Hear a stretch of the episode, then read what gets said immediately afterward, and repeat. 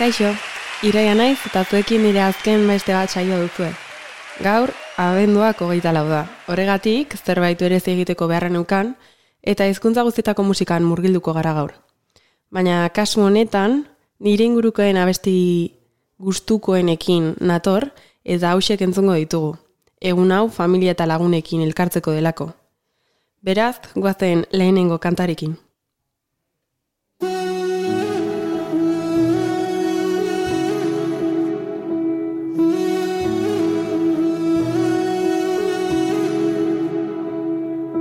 You know me the best, you know my worst, see me hurt, but you don't judge. That right there is the scariest feeling. Opening and closing up again, I've been hurt, so I don't trust. Now here we are staring at the ceiling. I've said those words before, but it was a lie. And you deserve to hear all it is to say that is why is it so hard to say? If all it is to say that is why am I in my own way? Why do I pull you close and then ask you for space?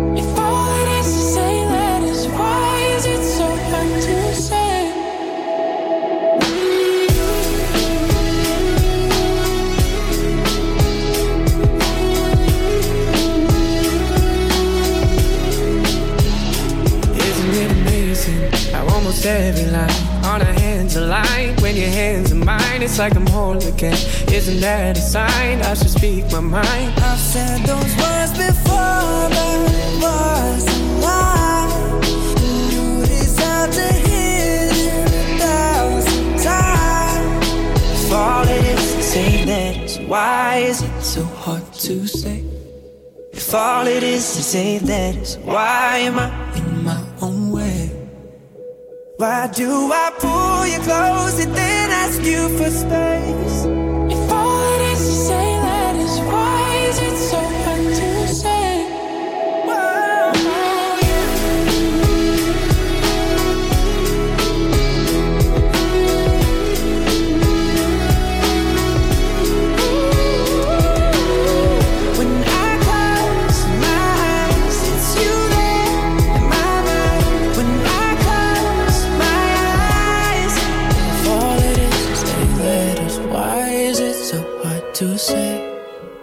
All it is is say that is why am I in my own way?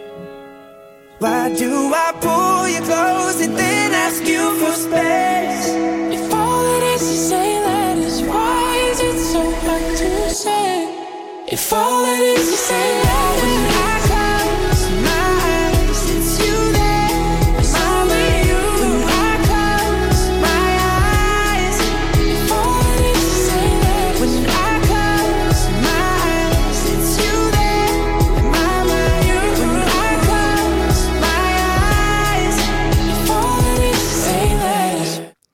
Why don't we then eight letters abestiak maitasuna dirazteko zailtasunaz hitz egiten digu. Askotan iraganean zauritu egiten gaituzte eta zaila da beste pertsonengan gure konfiantza ezartzea. Baina gure akatsengatik epaitzen ez zaituzten ez zaituen norbait aurkitzen duzunean, konfiantza hori berriz agertzen da. Zalantzan jartzen dugu zergatik denain zaila sentimendu horiek adieraztea, erraza dirudienaren, baina iraganeko segurtasun ez horrek ez digu askotan uzten. Horregatik, abesti honen mezu orokorra, e, maitasuna emozioa altxoa dela da, adierazteko zaila izan daitekena, baina merezi duera beldurra gainditzeko aleginak egitea. Goazen orain urrengo abestiarekin.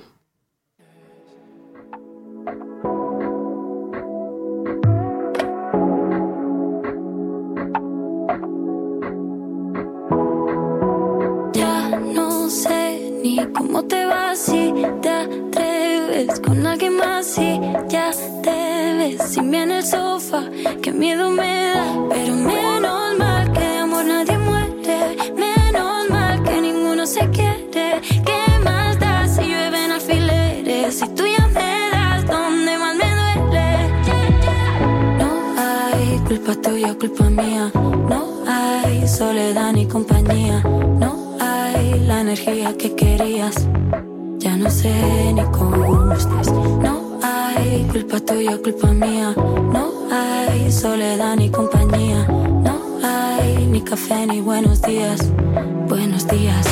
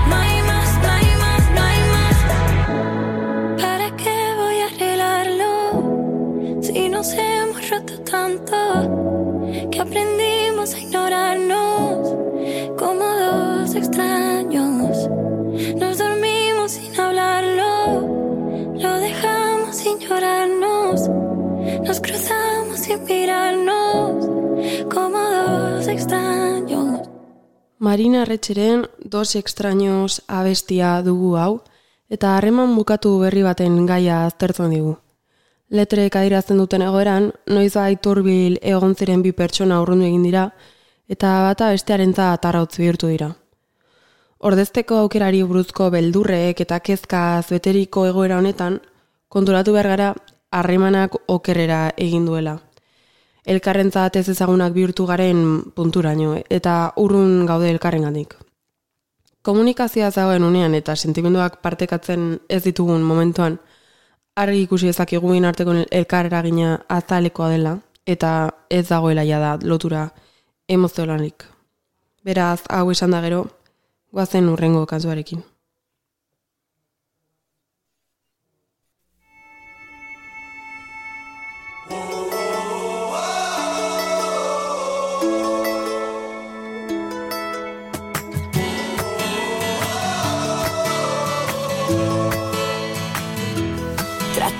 pensar que nada pierdo intentando darle vuelta a todo y dejar irte tal vez. No sé qué me pasa, a quién estoy engañando. Mis ganas me consumen y me empieza a doler.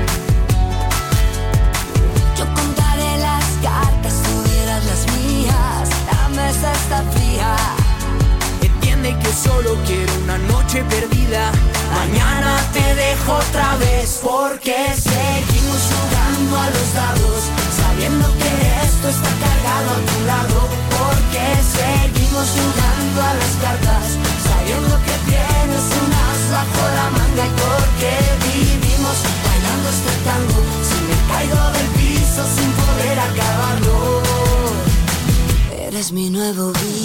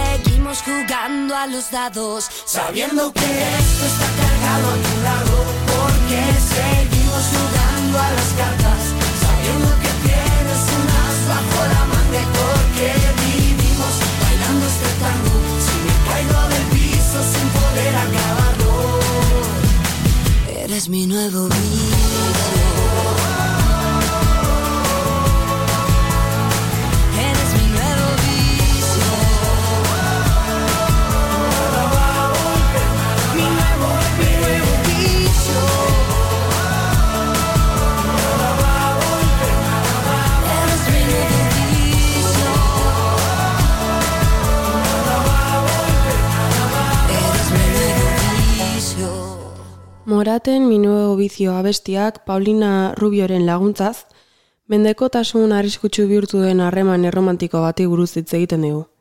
Letreek azaltzen dute nola erlazio horretatik alegin beharko lukela jakinarren, ezin dion aurre egin maitatzen jarraitzeko tentazio horri, naiz eta badakien zortea ez dagoela bere alde.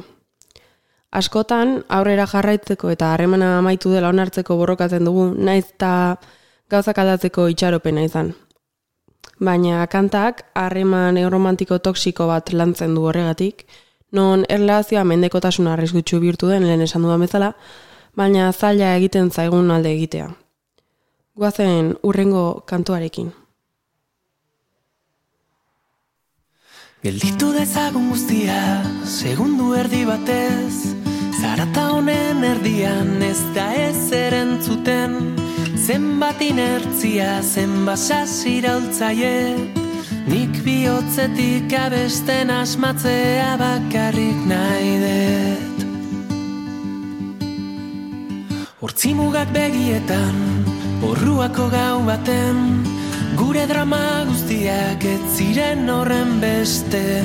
Abiadura bizian goazun erikune Nire kantu guztiak zure neurrira sorturik daude. Zure begi hoiek nire munduan kasgora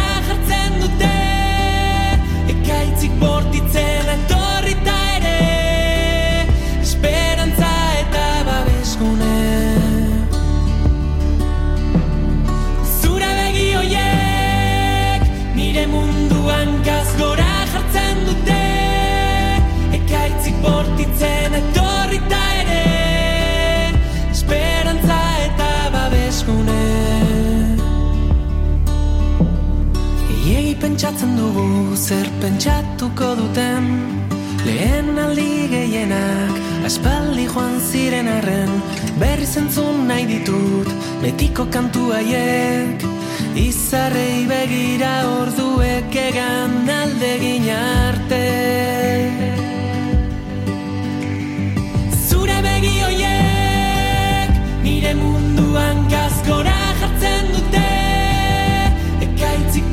pretend I don't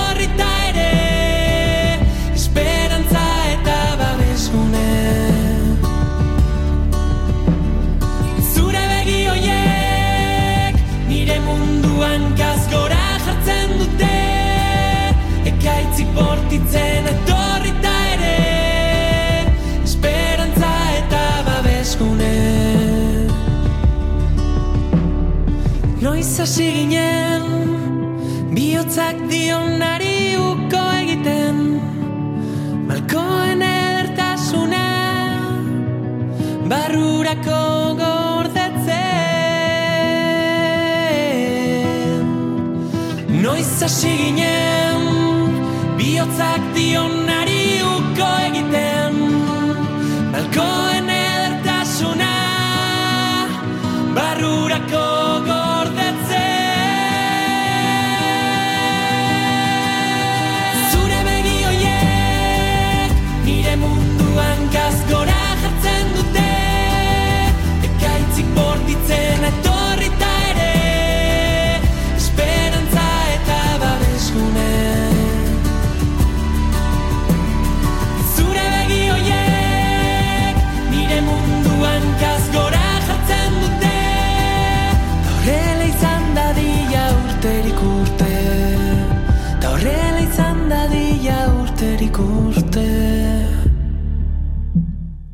Abesti hau bulegoren etapa berriko diskoaren lehen singela da. Aurreko saio batean esan bezala, asko zeremu pertsonalago eta intimistago batean murgiltzen dira.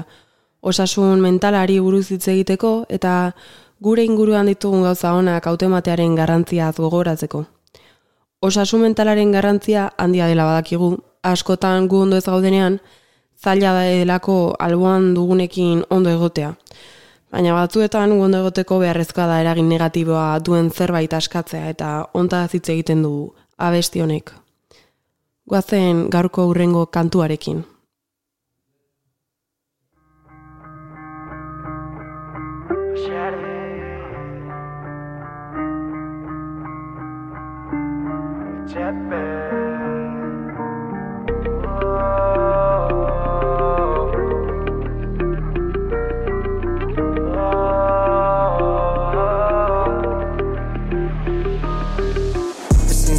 Zendatu nire bihotzeko zauriak. Zinan datu egi urdin honein argiak. Pentsamentu ilun bat aspaldi buruan. Pertsona asko bala gutxi munduan. Bezarkada gabeko bizitza baten preso Burua jagatzeko ezer zuri emateko.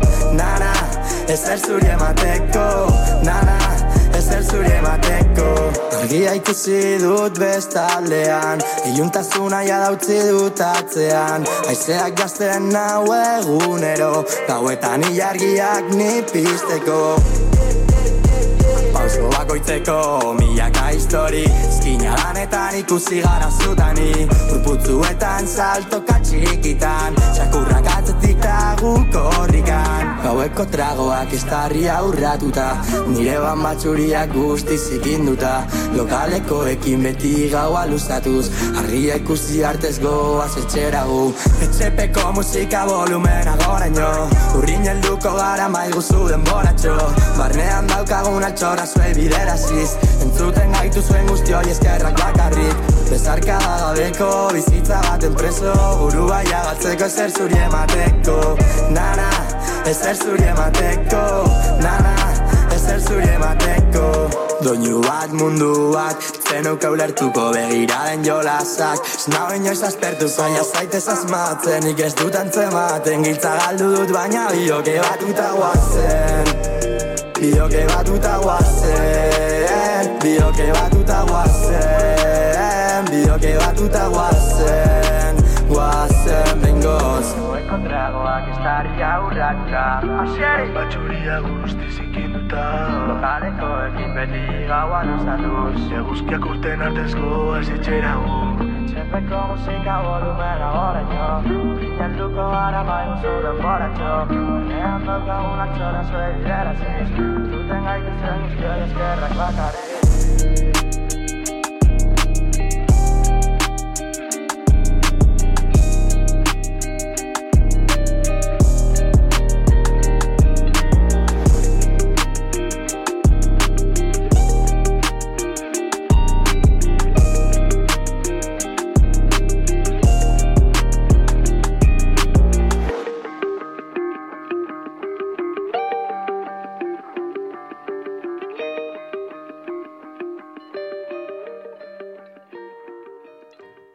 Entzun berri dugun abesti hau, aseriren barnetik abestia da.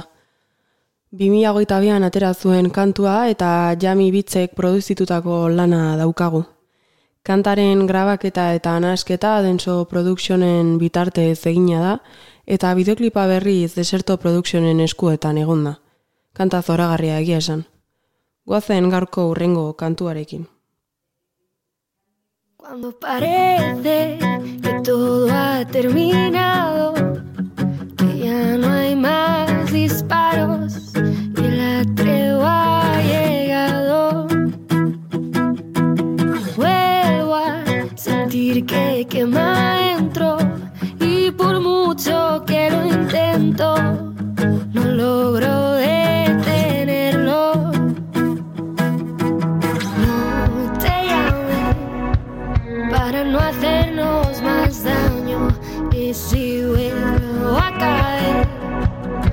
no sea como ayer. Y sigo estando detrás de cuando todo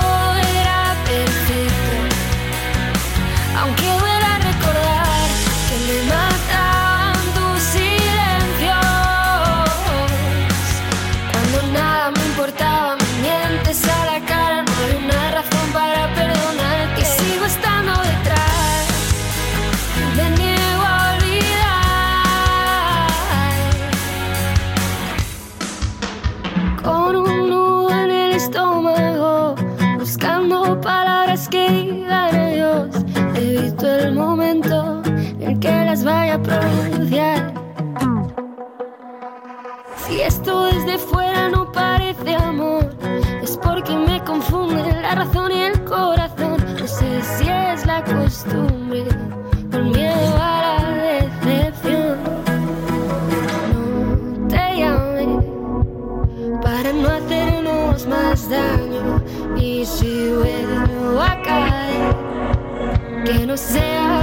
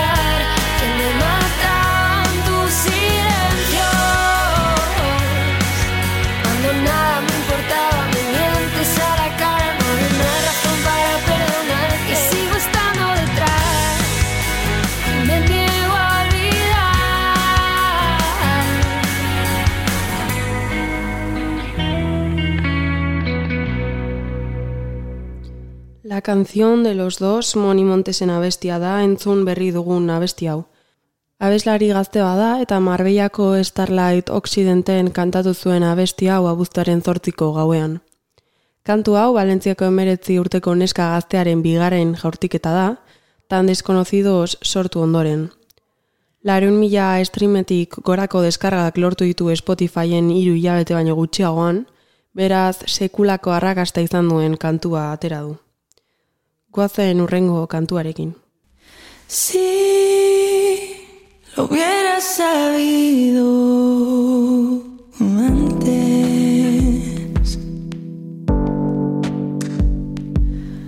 que todo este ruido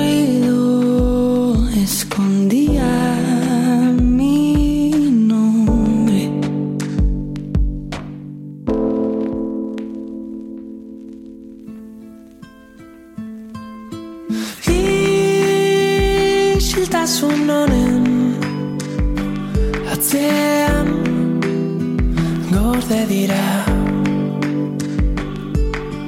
Nire izenaren oi hartzun guztiak. Quizás escondiendo las manos, quizás rebajando la voz, quizás resistiendo el impulso, o quizás incluso así no podría pagar esta culpa, pero sin todo este dolor.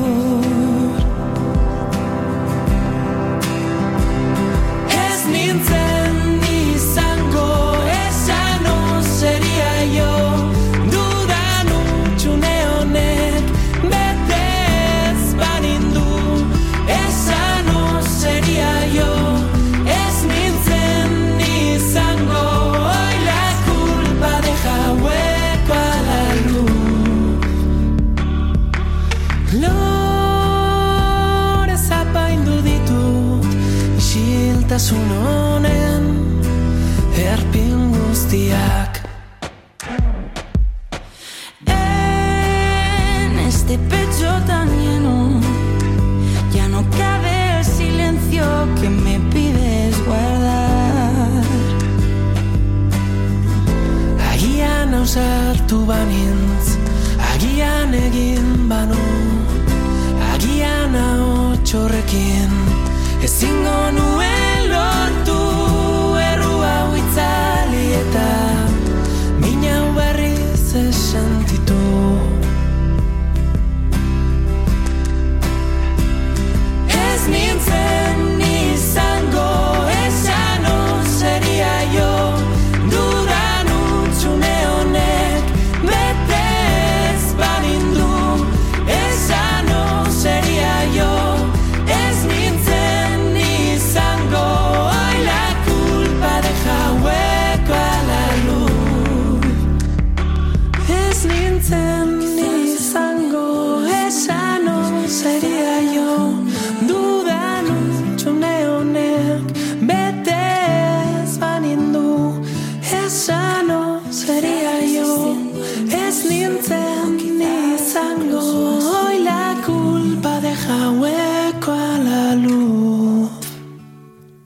Ez nintzen izango da bulego taldearen album berriko azken aurrerapen hau. Gaztelania eta ez- euskara hizkuntzak elkarrekin erabiltzen dituzte, eta ede artista madrildarra ere elkartu da kantu honetan. Errua eta damua dira abesti aria, eta abestearen bukaeran ondorio batera iristen dira. Gure bizitzan zehar hartu ditugun erabakik eraikitzen gaituztela, eta garena izatea eragiten dutela. Azkenean, damua eta errua oztopo besterik ez dira gure eraikitze prozesuan.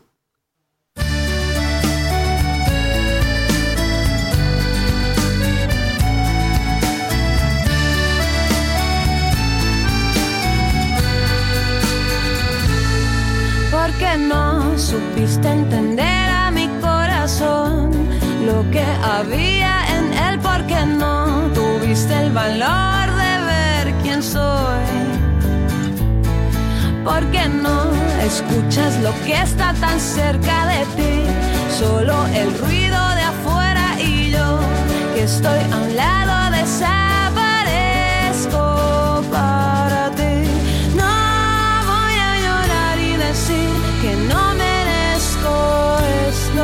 porque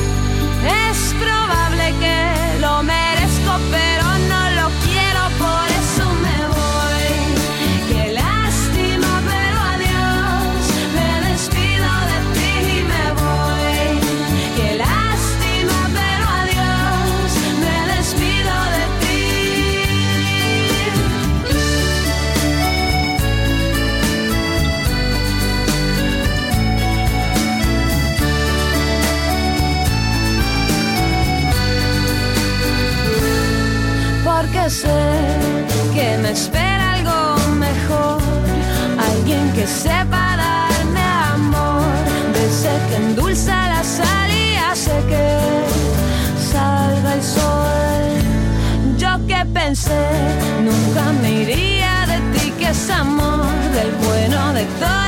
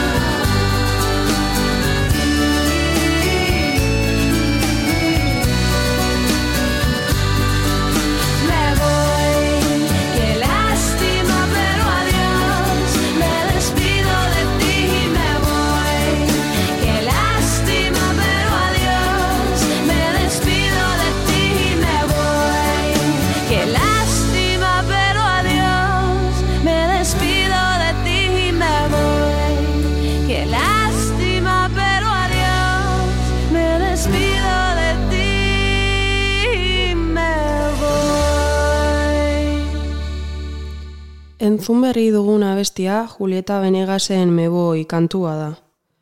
Abestiaren letrek harreman ez osasuntxu bat uztaren saiakera azaltzen digu.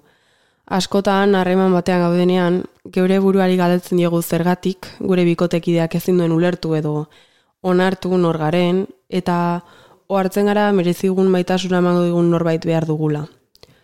Abestian onartzen da pena dela gauzek funtzionatu ez izana, baina azkenean sentimendu horiek kaleratu egiten dira eta zerbait hobeago baten bila joaten gara.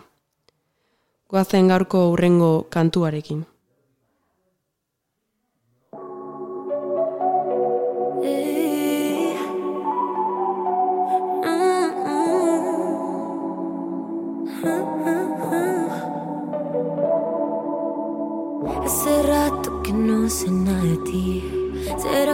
regresaste a tu país y no llamaste? ey? ¿Será que lo olvidaste? ey? Estoy solita y yo te extraño, maybe. El no tenerte a mí me pone crisis entre nuestras conversaciones. Para ver la foto de esa noche.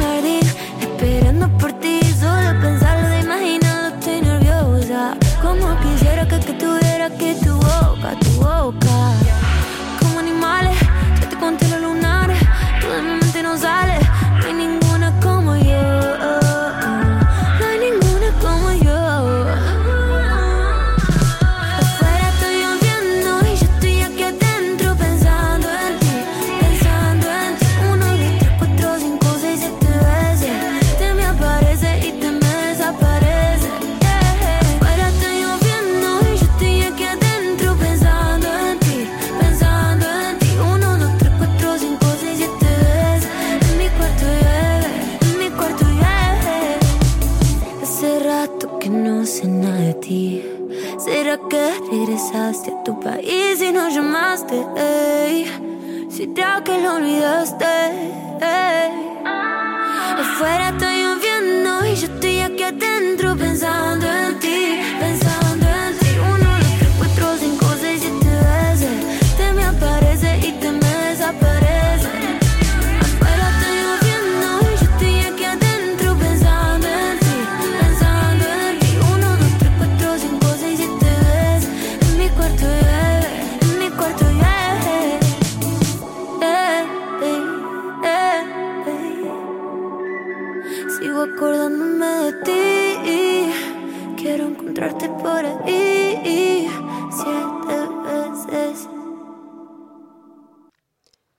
Tiniren siete veces abestia da hau. Kanta honetan iraganeko maitasun batenganako grina eta obsesioa aztertzen dira. Letrek iraganean edukitako bikotekidaren komunikazio faltak eragindako nasmena eta frustrazioa adirazten dute. Melankolia eta harrapatuta egotaren sentsazioa nabarmentzen da, ikusi dezakegun bezala, eta iraganeko maitasunaren pentsamenduak kontsumituko balu bezala sentitzen da. Oroar, abestiak iraganeko maitasunik ez izateak eragiten duen eh, erratret, erretratatzen du. Gogoari, obsesioari eta pentsamendu eta emozionetan galdutako maitasunari buruzko gaiak ere aztertzen dira hemen. Goazen gaurko urrengo abestiarekin.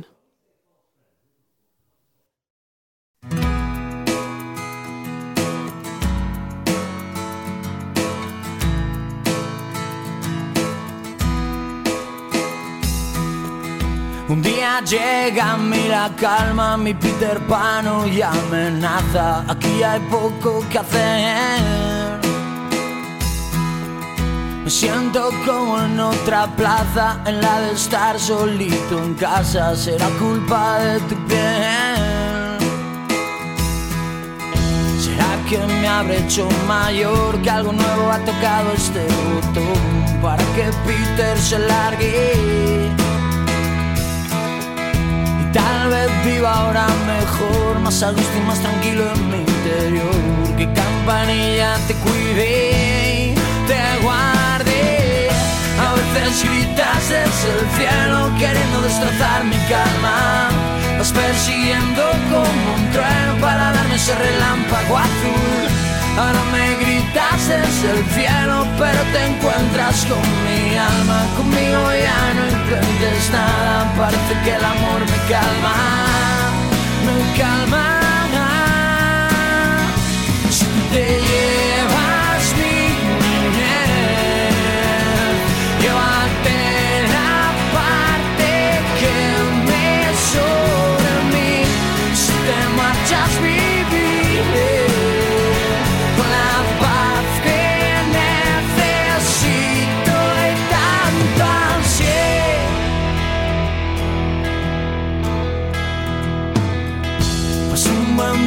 Junto a mí, parecía que quería quedarse aquí, no había manera de echarle. Si Peter no se quiere ir, la soledad después querrá vivir en mí. La vida tiene sus fases, sus fases. A veces gritas desde el cielo queriendo destrozar mi calma. Vas persiguiendo como un trueno para darme ese relámpago azul. Ahora me gritas desde el cielo, pero te encuentras con mi alma. Conmigo ya no intentes nada, parece que el amor me calma.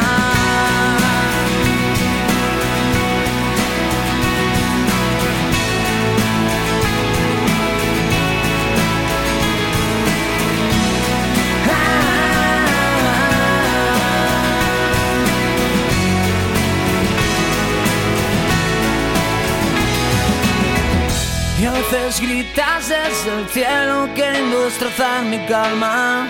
Vas persiguiendo como un trueno para darme ese relámpago azul. Ahora me gritas desde el cielo, pero te encuentras con mi alma. Conmigo ya no intentes nada, parece que el amor me calma, me calma. Cuando te marches creceré recorriendo tantas partes que olvidé. Y mi tiempo ya lo ves. Tengo paz y es el momento de crecer. Si te marchas viviré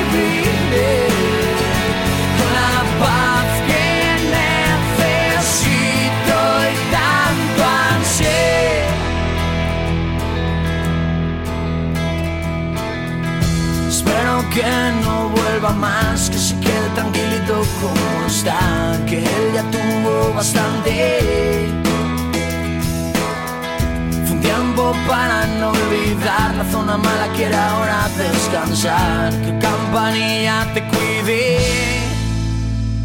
y te guarde. El canto de lokoren Peter Pan abestia da, aztearen prozesua eta bizitzan kezkatzen ez zaituzten alergiak az- atzean usteko gaia aztertzen du. Helduago birtu direlako eta bizimudu egunkorrago bat nahi dutelako. Peter Pan hitzak abestiaren izenburuak dioen bezala, betiko aztetasunaren nahia adierazten du eta zartzeak dakartzan erantzukizunei eta erronkei aurre egitari uko egin nahi die. Oroar, en honek azteko aldaketak onartzeko eta orainean poza aurkitzeko prozesuan sakontzen du. Oraindik gazteen oroitzapenak antzematen diren bitartean. Goazen gaurko urrengo kantuarekin. Arrite.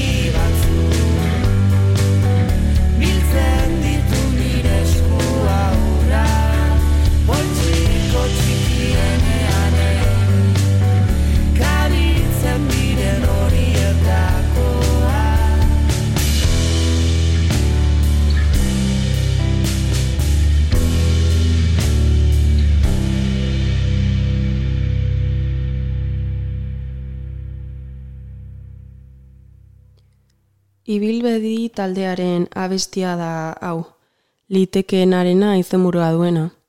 Talde hau, 2018 urtean, Nafarroan sorturiko pop musika talde bat da.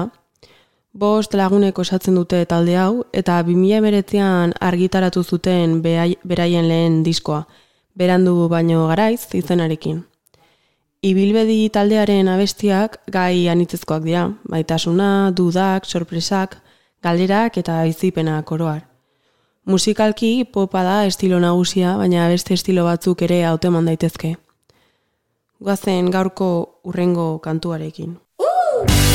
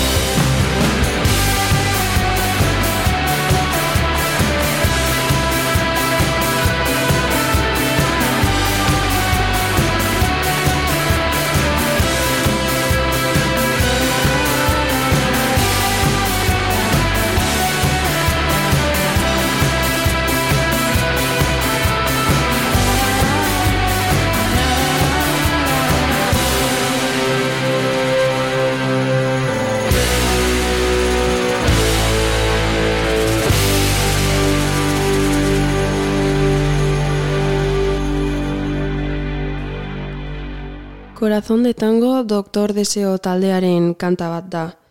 Baina oraingoan zea maiz taldeak bertsinatu ekarri dizuet. Abesti honetan desamodioa, bakardadea eta maitasunaren izaera kontraesankorrak aztertzen dira. Letrek galera sentsazio bat transmititzen dute, abeslariari bere bikotekiak utzi dolako eta agur esatea erabaki duelako. Abesti honek maitasunaren eta desamodioaren konplexutasunetan sakontzen du, eta harreman bat amaitzen denean sortzen diren emozio kontraesankorrak aipatzen dira. Ontaz jabetzeko erabakia ere azaltzen da, eta bizitzan kontsolamendua aurkituz eta oroitzapenak baloratuz egiten da. Goazen urrengo abestiarekin.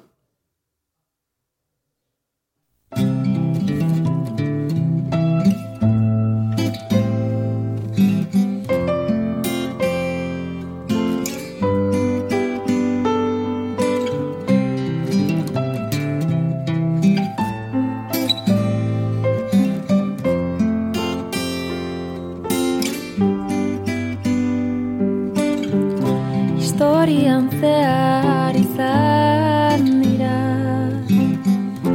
Sentimendu isilduak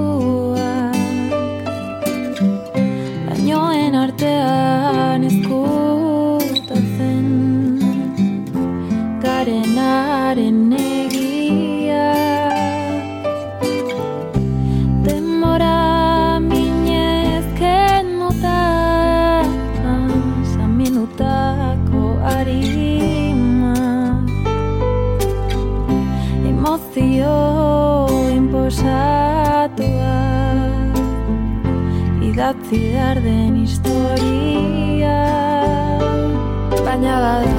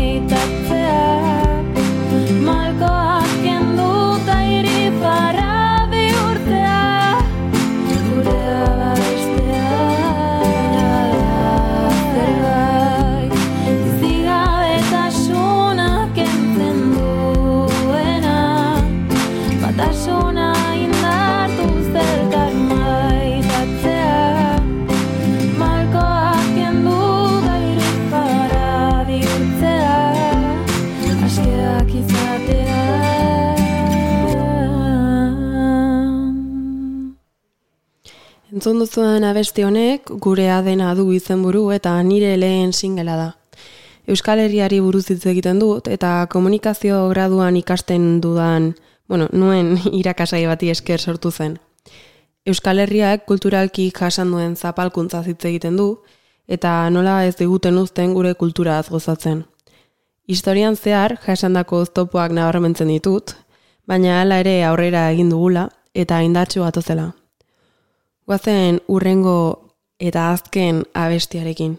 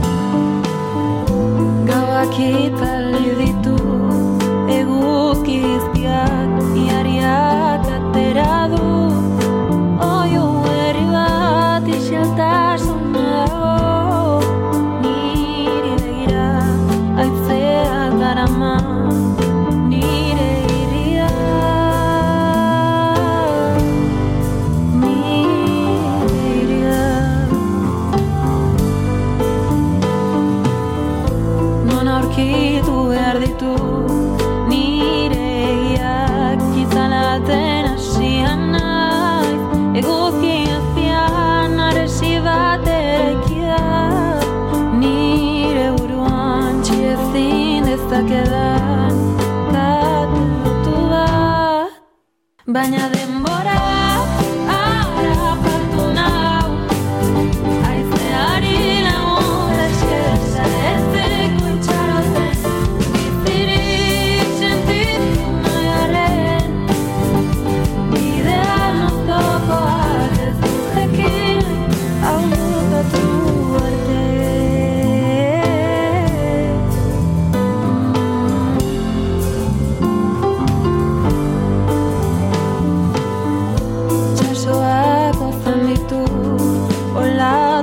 Olatu guztiak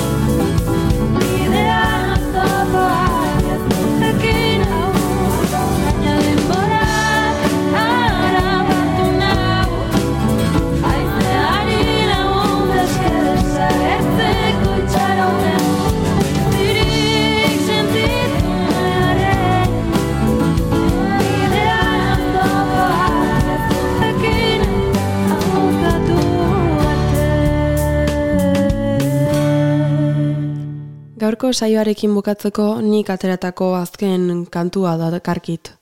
Orain entzun berri duzuen kantak bukatu arte du izena. Nire bizitako etapa ez oso polituati buruz hitz egiten dut bertan. Denak gainezka egin zidan eta arazoa ikusezina egiten saiatu nintzen. Baina ez zitzaidan ongi atera, okerragoa izan zelako. Preso sentitzen nintzen nire buruan eta ez nuen bidearen bukaeran argirik ikusten. Horregatik, kanta hau idatzen nuen, arazoak bere kabuz konpontzea nahi nuelako, eta ez nitelako behiak iriki nahi dena ondo joan eta bukatu arte. Osasun mentalaren garrantzia azpimarratzea garrantzitsua egiten zait, hasiren esan duan bezala, gaitabu bat delako oraindik eta beharrezkoa delako honetaz hitz egitea. Gaurko saio hau nire azkena da, beraz, bukatu horretik, e, niri buruzko hainbat datu gogorarazi nahi dizkizuet, hasierako saioan egin nuen bezala. Musika nire bizitzaren parte izan da konsiente naizenetik, aspalditik abestiak konposatu ditut eta orduztik ba, ez naiz geratu. Nire kantak euskaraz dira, nire ama hizkuntzan eta musikaren bidez hizkuntza eta kultura bultzatu nahi ditut eta horretarako asmoa daukat. Konposatzeak lagundu egiten dit barruak usten, hitz mintzatu ikusten ez didaten moduan, eta niretzat konposatzea eta kantatzea errealitate batetik ies egiteko bide bat da, eta sentimenduak eta emozioak transmititu nahi ditut, berdin sentitzen diren horiek empatia sentitzeko aukera izan dezaten. Hau izan da dena gaurkoz, eskerrik asko bestaldean zaudeten guztiei nire saioak entzuteagatik, eta arratsalde ona izan dezazuela.